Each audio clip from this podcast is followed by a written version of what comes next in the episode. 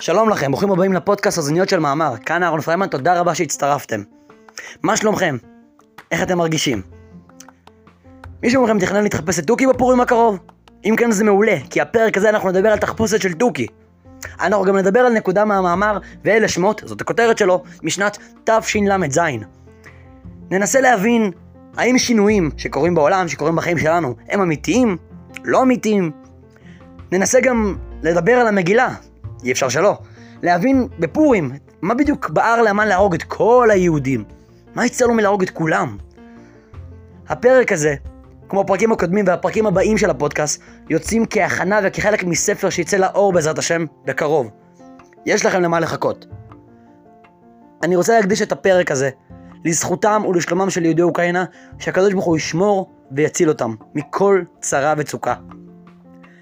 אני רוצה להקדיש את הפרק הזה לכבוד כל עם ישראל, לכבוד שמחת פורים, שנזכה באמת לשמוח שמחה אמיתית, שנזכה שכל הצרות שלנו יתהפכו ונהפוכו כמו בפורים, לששון ושמחה אמיתיים, עד שנזכה לגאולה אמיתית והשלמה, שאז תהיה השמחה אמיתית באמת. אוזניות של המאמר, פרק חמישי, התחפש לתוכי, מתחילים.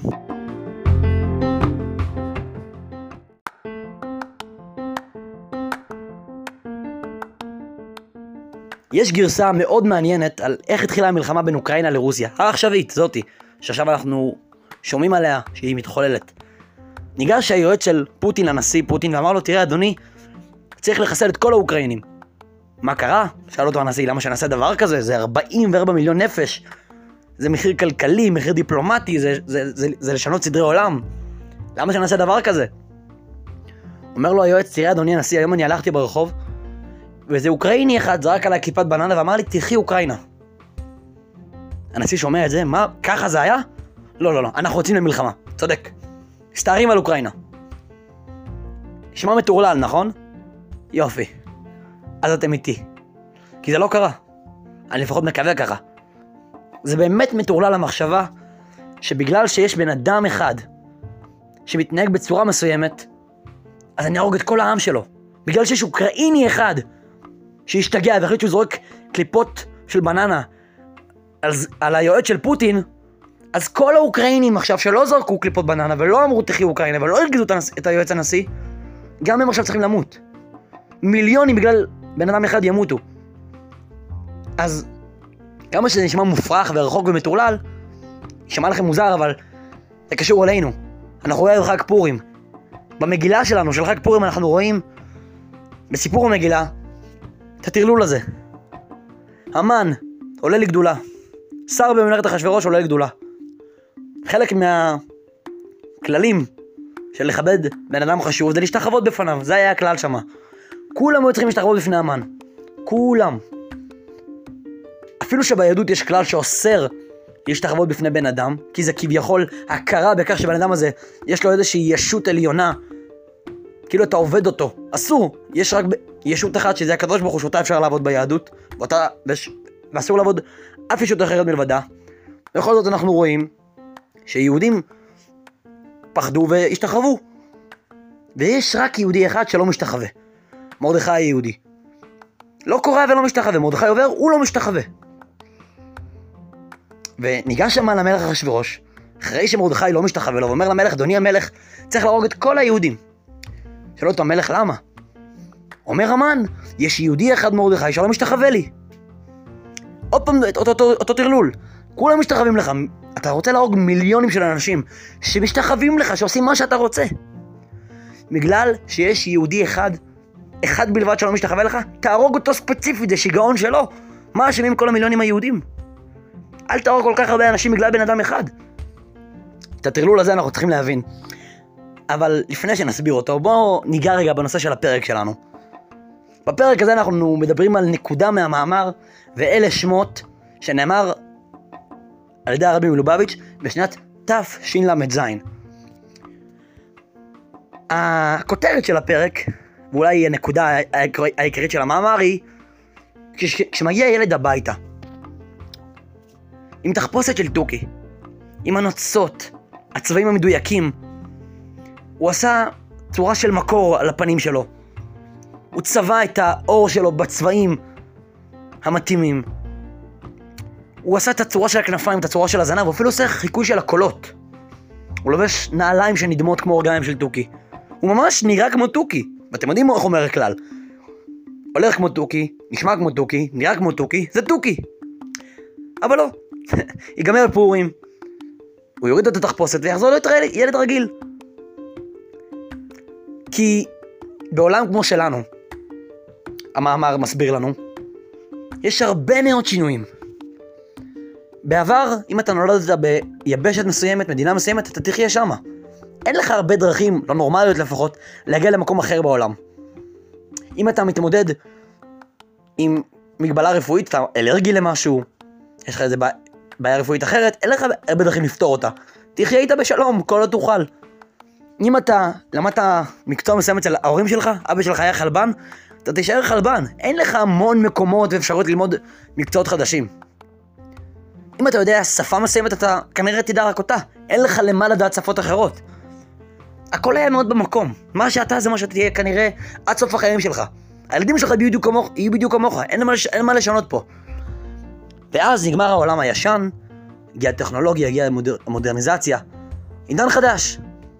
נולדת באפריקה? אין בעיה. תוך כמה שעות אתה עולה על מטוס, אתה כבר נמצא באמריקה, בקצה השני של העולם. אתה יודע רק ספרדית? אין בעיה. היום עם הטכנולוגיה, היום עם היכולות שלך לטוס לכל מקום בעולם, אתה יכול ללמוד שפות חדשות. אנגלית, צרפתית. מה, אתה סובל ממגבלה רפואית? סובל ממגבלה רפואית זה לא בעיה. אתה יכול היום, בעזרת הטכנולוגיה, למצוא את הרופא שעם הידע הנכון והטכנולוגיה הנכונה, יפתור לך את הבעיה. אתה רוצה לשנות מקצוע? אין שום בעיה. יש כל כך הרבה דרכים ללמוד היום, וכל כך הרבה אפשרויות בזכות הגלובליזציה. למצוא מקום שכן צריך את השירות שאתה נותן. אם במקום שבו אתה גר, אין לך מה ללמוד רפואה במקום הזה, כי יש שם כבר המון רופאים. אין בעיה, סע למדינה אחרת, ושם תעניק את הטיפול הזה. השינויים הפכו להיות לא רק קלים מאוד, גם מאוד נפוצים, פופולריים. וזה טוב. תחשבו לכם שהיינו נשארים עם סוס ועגלה ולא עוברים למכונית. סיוט. אבל אפילו שאני יכול להיראות כמו תוכי, להישמע כמו תוכי, לטוס למדינה אחרת, ללמוד שפה חדשה, ללמוד מקצוע חדש, לשנות את ה... לשנות כל כך הרבה דברים במי... באיך שאני נראה, אני עדיין נשאר מי שאני באמת. גם אם אני נראה כמו תוכי, אני רק נראה כמו תוכי. אין לי איך להפוך לתוכי. אני לא באמת יכול לעוף. אני לא יכול באמת לדבר עם התוכים, אני לא באמת יכול להרגיש כמו תוכי, אני רק נראה ככה. אני בסופו של דבר בן אדם. עם רגשות של בן אדם, מחשבות של בן אדם, צרכים של בן אדם, מתישהו אני אוריד את התחפושת ואחזור להיות בן אדם נורמלי. רגיל. יש שינויים שבאמת קורים. אני באמת יכול ללמוד שפה חדשה. אני באמת יכול להכיר ידע חדש שישנה את זווית המבט שלי. אני יכול לחשוב שנגיד פטריות הם דבר מסוכן, עד שאני אפגוש ממדינה אחרת מישהו שיודע שפטריות האלה לא דבר מסוכן ואני אוכל אותם. אבל יש דברים שלא משתנים. איפה אנחנו רואים את זה? המאמר מסביר על מצרים. הוא מספר שעם ישראל נמצא במצרים. מאות שנים. העם היהודי היה בעצם מהגר, חי במדינה זרה, מאוד מפותחת, מאוד עשירה, מאוד חכמה, מאוד מתורבתת, עם כל כך הרבה אוצרות של ידע ושל חוכמה ושל תרבות, ו... אבל עם ישראל, אומר לנו המאמר, ואלה שמות, בני ישראל הבאים מצרימה. זה פסוק מהתורה. המאמר לוקח אותו ואומר, רגע, כשהתורה מספרת לי על, ה... על המצרים, על השהות של עם ישראל במצרים, למה היא אומרת לי, ואלה שמות הבאים מצרימה? מה נוגע לי השמות של עם ישראל? למה אני צריך לדעת את השמות שלהם? אז המאמר מסביר, כמו שאמרנו, שיש שינויים, אבל יש דברים שלא משתנים. ויהודי, אומר המאמר, תמיד נשאר יהודי. איך אנחנו רואים את זה? אנחנו רואים שבמצרים עם ישראל, אפילו שהוא היה מוקף בכל כך הרבה פיתויים, וכל כך הרבה סיבות להפוך להיות מצרי, הם לא עשו את זה. עד כמה הם לא עשו את זה? לא רק שבחיים הפרטיים שלהם, בחדרי חדרים, או בתוך הלב שלהם הם נשארו יהודים. קיימו מצוות בבית שלהם, המשיכו להאמין בהיותם יהודים. אפילו את השם שלהם הם לא שינו. שמעו לכם מהגר, ילד, ילד מהגר שעלה עכשיו מאירופה, מאיזה מדינה אירופאית, צרפת, עם שם צרפתי ככה בולט, מגיע לכיתה באמריקה. הוא הילד בכיתה עם השם הצרפתי. כל הכיתה עם שמות אמריקאים. הוא נורא בולט, צוחקים על השם שלו. ואז אומר לו אחד החברים, בוא, תשנה את השם מהשם צרפתי לשם אמריקאי. תשנה את השם למשהו קצת יותר, תשנה את השם מז'אק לדונלד. משהו קצת יותר מקומי, שתהיה איתנו. הוא אומר לא. לא רק שאני אמשיך בבית שלי, במקום הפרטי שלי, לדבר צרפתית, ולחיות כצרפתי, ולאכול מאכלים צרפתיים. גם פה בכיתה, שאתם תדברו איתי ותקראו לשם שלי, הרי השם הוא משהו חיצוני. כשאני נמצא עם עצמי בחדר, אני לא צריך להגיד, אהרון, תקשיב לי. לא צריך, השם הוא רק מה קורה, כשאני נמצא בחדר עם עוד ארבעה אנשים, ואחד מהם רוצה לקרוא לי. אז אם, אם, אם לא היה את השם אהרון, את השם שמסמל אותי, הוא היה אומר, היי אתה, כולם היו מסתובבים אליו, הוא לא מצליח לתפוס איתי קשר. אז לכן יש לכל אחד שם פרטי. לי יש את השם אהרון, כדי שאם מישהו נמצא איתי בחדר ורוצה לקרוא לי, הוא אומר, אהרון. זה רק כינוי לתקשורת חיצונית. אומר אותו ילד צרפתי, אני לא רוצה אפילו את השם החיצוני שלי. לא, לא, לא, לא משהו שקשור ללב שלי, לרגשות שלי, לחיים הפרטיים שלי. אפילו בחיצוניות שלי, בתקשורת איתכם. אנשים שמחוץ לחיים הפרטיים שלי. אני לא רוצה, אני לא רוצה להפסיק להיות הצרפתי שאני. אני רוצה שתקראו לי בשם הצרפתי שלי. עם ישראל במצרים, לא רק שממשיך להיות יהודי בתוך החיים הפרטיים שלו, בבית, באמונה שלו. אפילו המצרים שהם רוצים לתקשר איתם, צריכים לקרוא להם בשמות היהודיים שלהם. עם ישראל לא באמת משתנה. הוא מוקף בהרבה סיבות לשנות, אבל הוא לא באמת משתנה. למה הוא לא משתנה? למה עם ישראל נשאר מה? למה עם ישראל, בנוגע ליהדות שלו, כל השינויים לגבי היהדות הם קצת כמו ללבוש תחפושת, זה לא שינוי אמיתי. כשאני פותר בעיה רפואית שיש לי, כשאני עושה הסרת משקפיים, הייתי בן אדם עם משקפיים, אני בן אדם עכשיו בלי משקפיים, זה שינוי אמיתי. לעומת זאת, אם אני אגיד שאני לא יהודי, שאני לא מאמין יותר ביהדות שלי, זה לא יכול להיות, זה, זה תחפושת. למה? אנחנו רואים עכשיו אפילו סערה, ממש, סערה תקשורתית, על איש תקשורת מאוד מפורסם, יכול להיות ששמעת עליו, יכול להיות שלא, עכשיו אתם שומעים את זה פעם ראשונה, על איש תקשורת מאוד מפורסם שהגדיר את עצמו כאתאיסט. ואותו איש תקשורת שמגדיר את עצמו כאתאיסט, לא מאמין בבורא עולם, במצוות שלו, בתורה שלו, עכשיו הגיע לרגע האמת, לרגע של מבחן. נולד לו ילד, ילד משלו, והוא החליט למול אותו לעשות לו ברית מילה. מה מוזר פה? אתה אתאיסט. אתה טוען שאתה לא מאמין בתורה ומצוות, אתה לא מאמין בברית מילה, אתה לא מאמין בבורא עולם. אז מה פתאום אתה עושה לילד שלך ברית מילה?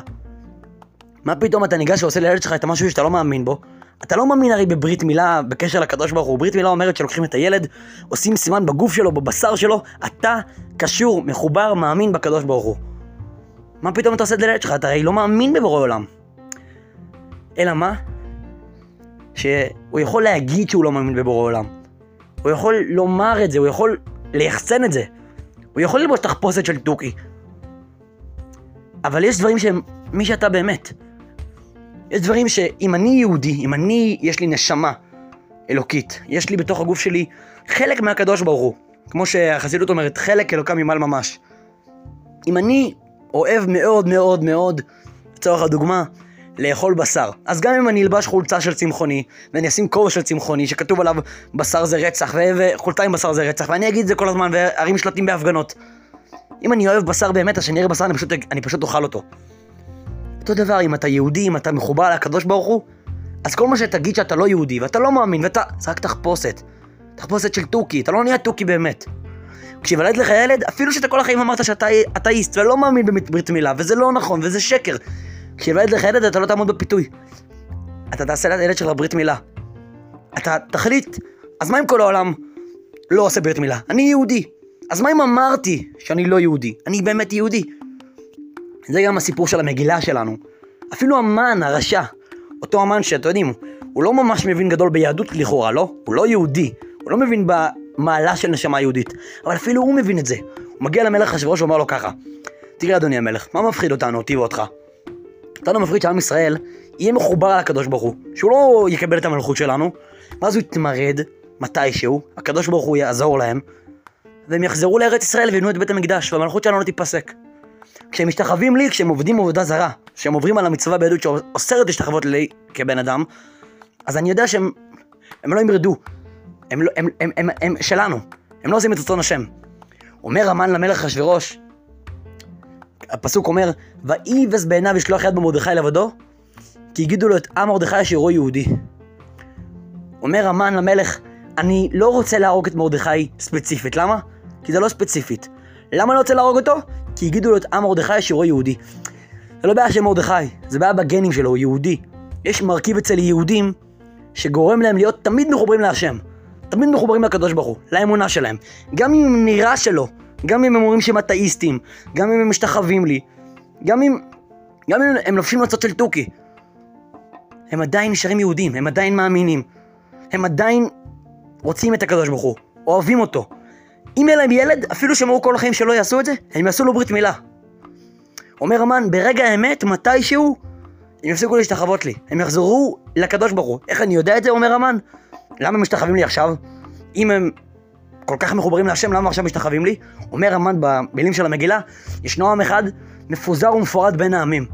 שימו לב למילים, הרבי מלובביץ' מדייק פה על פי החסידות ומסביר, מפוזר ומפורד. מה זה מפוזר ומפורד? יש כאן עם אחד שהתפזר. הוא קצת עכשיו לא, לא במקום שלו, הוא קצת מבולבל עכשיו, הוא לא מרגיש טוב, הוא מפוזר. מה, מה, איך ממשיכה המגילה? למלך אין שווה להניחם.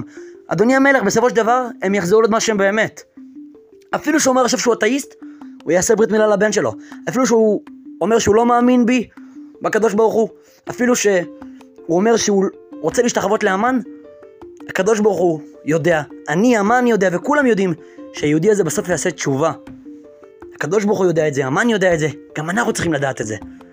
שהתחפושות שלנו לא משנות אותנו. יש דברים שאנחנו משתנים בהם, אבל כשמדובר על היהדות שלנו, אנחנו נשארים יהודים. מפה אנחנו לומדים על המעלה שלנו, על זה שאנחנו הולכים לשנות את הלבוש, את המראה, את הדעות החיצוניות, את הלב שלנו, את הנשמה שלנו. לא אנחנו יכולים לשנות ולא אף אחד אחר יכול לשנות. אפילו המן מודה בזה. לכן הוא רוצה להרוג את כל היהודים. אין לו בעיה עם מרדכי. יש לו בעיה עם המילה יהודי. אתה יהודי? אז מה אם אתה אומר שאתה לא יהודי? אז מה אם אתה מתנהג כמו לא יהודי? אתה, בסופו של דבר, ייגמר לך השיגעון, תפסיק להתבלבל, בסופו של דבר אתה תחזור להיות יהודי. זה הנקודה הזאת שמסבירה שאפשר להשתנות, אבל יש משהו בתוכנו שלא משתנה. בחיים עצמם. אנחנו הרבה פעמים רואים ילדים, דוגמה לצורך העניין, שאומרים שהם לא יודעים ללמוד. למה? כי חברים שלו אמרו לו את זה. כי היה לו איזה מבחן שהוא נכשל בו. לפעמים אנחנו אומרים לעצמנו שאנחנו אנשים רעים. למה? כי פעם אחת צעקנו על מישהו. כי פעם אחת העלבנו מישהו. לפעמים אנחנו מסתכלים על בן אדם אחר ואומרים, תראה איך הוא מתנהג, איזה מגעיל הוא. אנחנו הופכים את ההתנהגות החיצונית, את מה שהוא משדר, את מה שהוא לובש, את מה שהוא אומר, למה שקובע. מסביר לנו המאמר, ואלה שמות. תדע לך שיהודי הוא כל כך מי שהוא ומה שהוא, הוא לא יכול לשנות את זה. כמו שאני לא יכול להחליט שאני נראה כמו תוכי, אז בגלל זה אני תוכי. ככה יהודי לא יכול להחליט בגלל שהוא מתנהג בצורה גרועה. אם, אם יש כאן מישהו שהוא מרביץ מכות, וואי, איזה בן אדם אלים הוא. בתוכו הוא בן אדם טוב. כרגע עבר עליו יום קשה. זה חריג, המכות שהוא הרביץ. באמת הוא בן אדם טוב. יש כאן ילד שלא מצליח במבחן, הוא ילד חכם. המבחן הזה שהוא קיבל בו נכשל, זה חריג. אני בן אדם טוב, אבל צעקתי אתמול עליו ועליו, אז אתמול התנהגתי חריג, אתמול לא הרגשתי טוב. כשאנחנו נדע להסתכל על עצמנו ברמה הדתית, היהודית, לא משנה איך אנחנו מתנהגים, מה אנחנו אומרים, מה אנחנו חושבים, אנחנו מחוברים לקדוש ברוך הוא, לבורא עולם, לתורה שלו. אנחנו, אנחנו מחוברים לכל היהודים האחרים. לא משנה כמה פעמים נגיד שלא, לא משנה איך נתנהג, זה קשר נצחי. אנחנו נהיה רגועים, כי אנחנו נדע, אנחנו נדע שיש לנו את הגזע הזה, הענק, של היהדות, של עם ישראל, של המסורת שלו, של הבורא עולם. אנחנו נדע שאנחנו מחוברים אליו. כשאנחנו, ברמה של החיים עצמם, נסתכל על המעשים שלנו כחיצוניים, אז מה אם אני נפלתי שמה? אז מה אם אני לא מצליח פה? אז מה אם הוא נראה מעצבן והוא נראה לא חכם? זה חיצוני. אם חופרים קצת, אם מסתכלים על העומק, מבינים שאולי עכשיו הוא מפוזר. אולי עכשיו הוא לא מרגיש טוב, הוא לא ישן טוב בלילה. עוד מעט זה יעבור לו, ואז הוא יחזור לבן אדם טוב. הוא יחזור להיות מצליח. יחזרו לראות את מישהו באמת.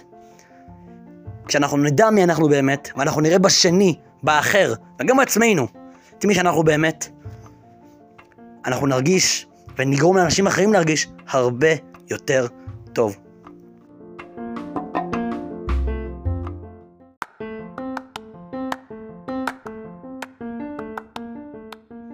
מקווה שהתחפושות במשלוחי המנות שלכם כבר מוכנים. שיש לכם איפה לשמוע מגילה. אני מאחל לכולנו שהשמחת פורים שלנו תהיה שמחה אמיתית, באמת, כזו שנמשכת לכל השנה. שתמיד נזכור שמתחת למסכה, לא משנה איזו מסכה, אנחנו יהודים שמחוברים לקדוש ברוך הוא. מתחת לתחפושת, לא משנה איזו תחפושת, אנחנו אנשים טובים, טובי לב, חרוצים, חכמים, כישרוניים. אם התחפושת אומרת אחרת, רק צריך להוריד אותה, ולראות את האמת. תודה רבה שהייתם איתי, מאוד מקווה שנהניתם. ניפגש בפרקים הבאים, בשורות טובות, פורים שמח.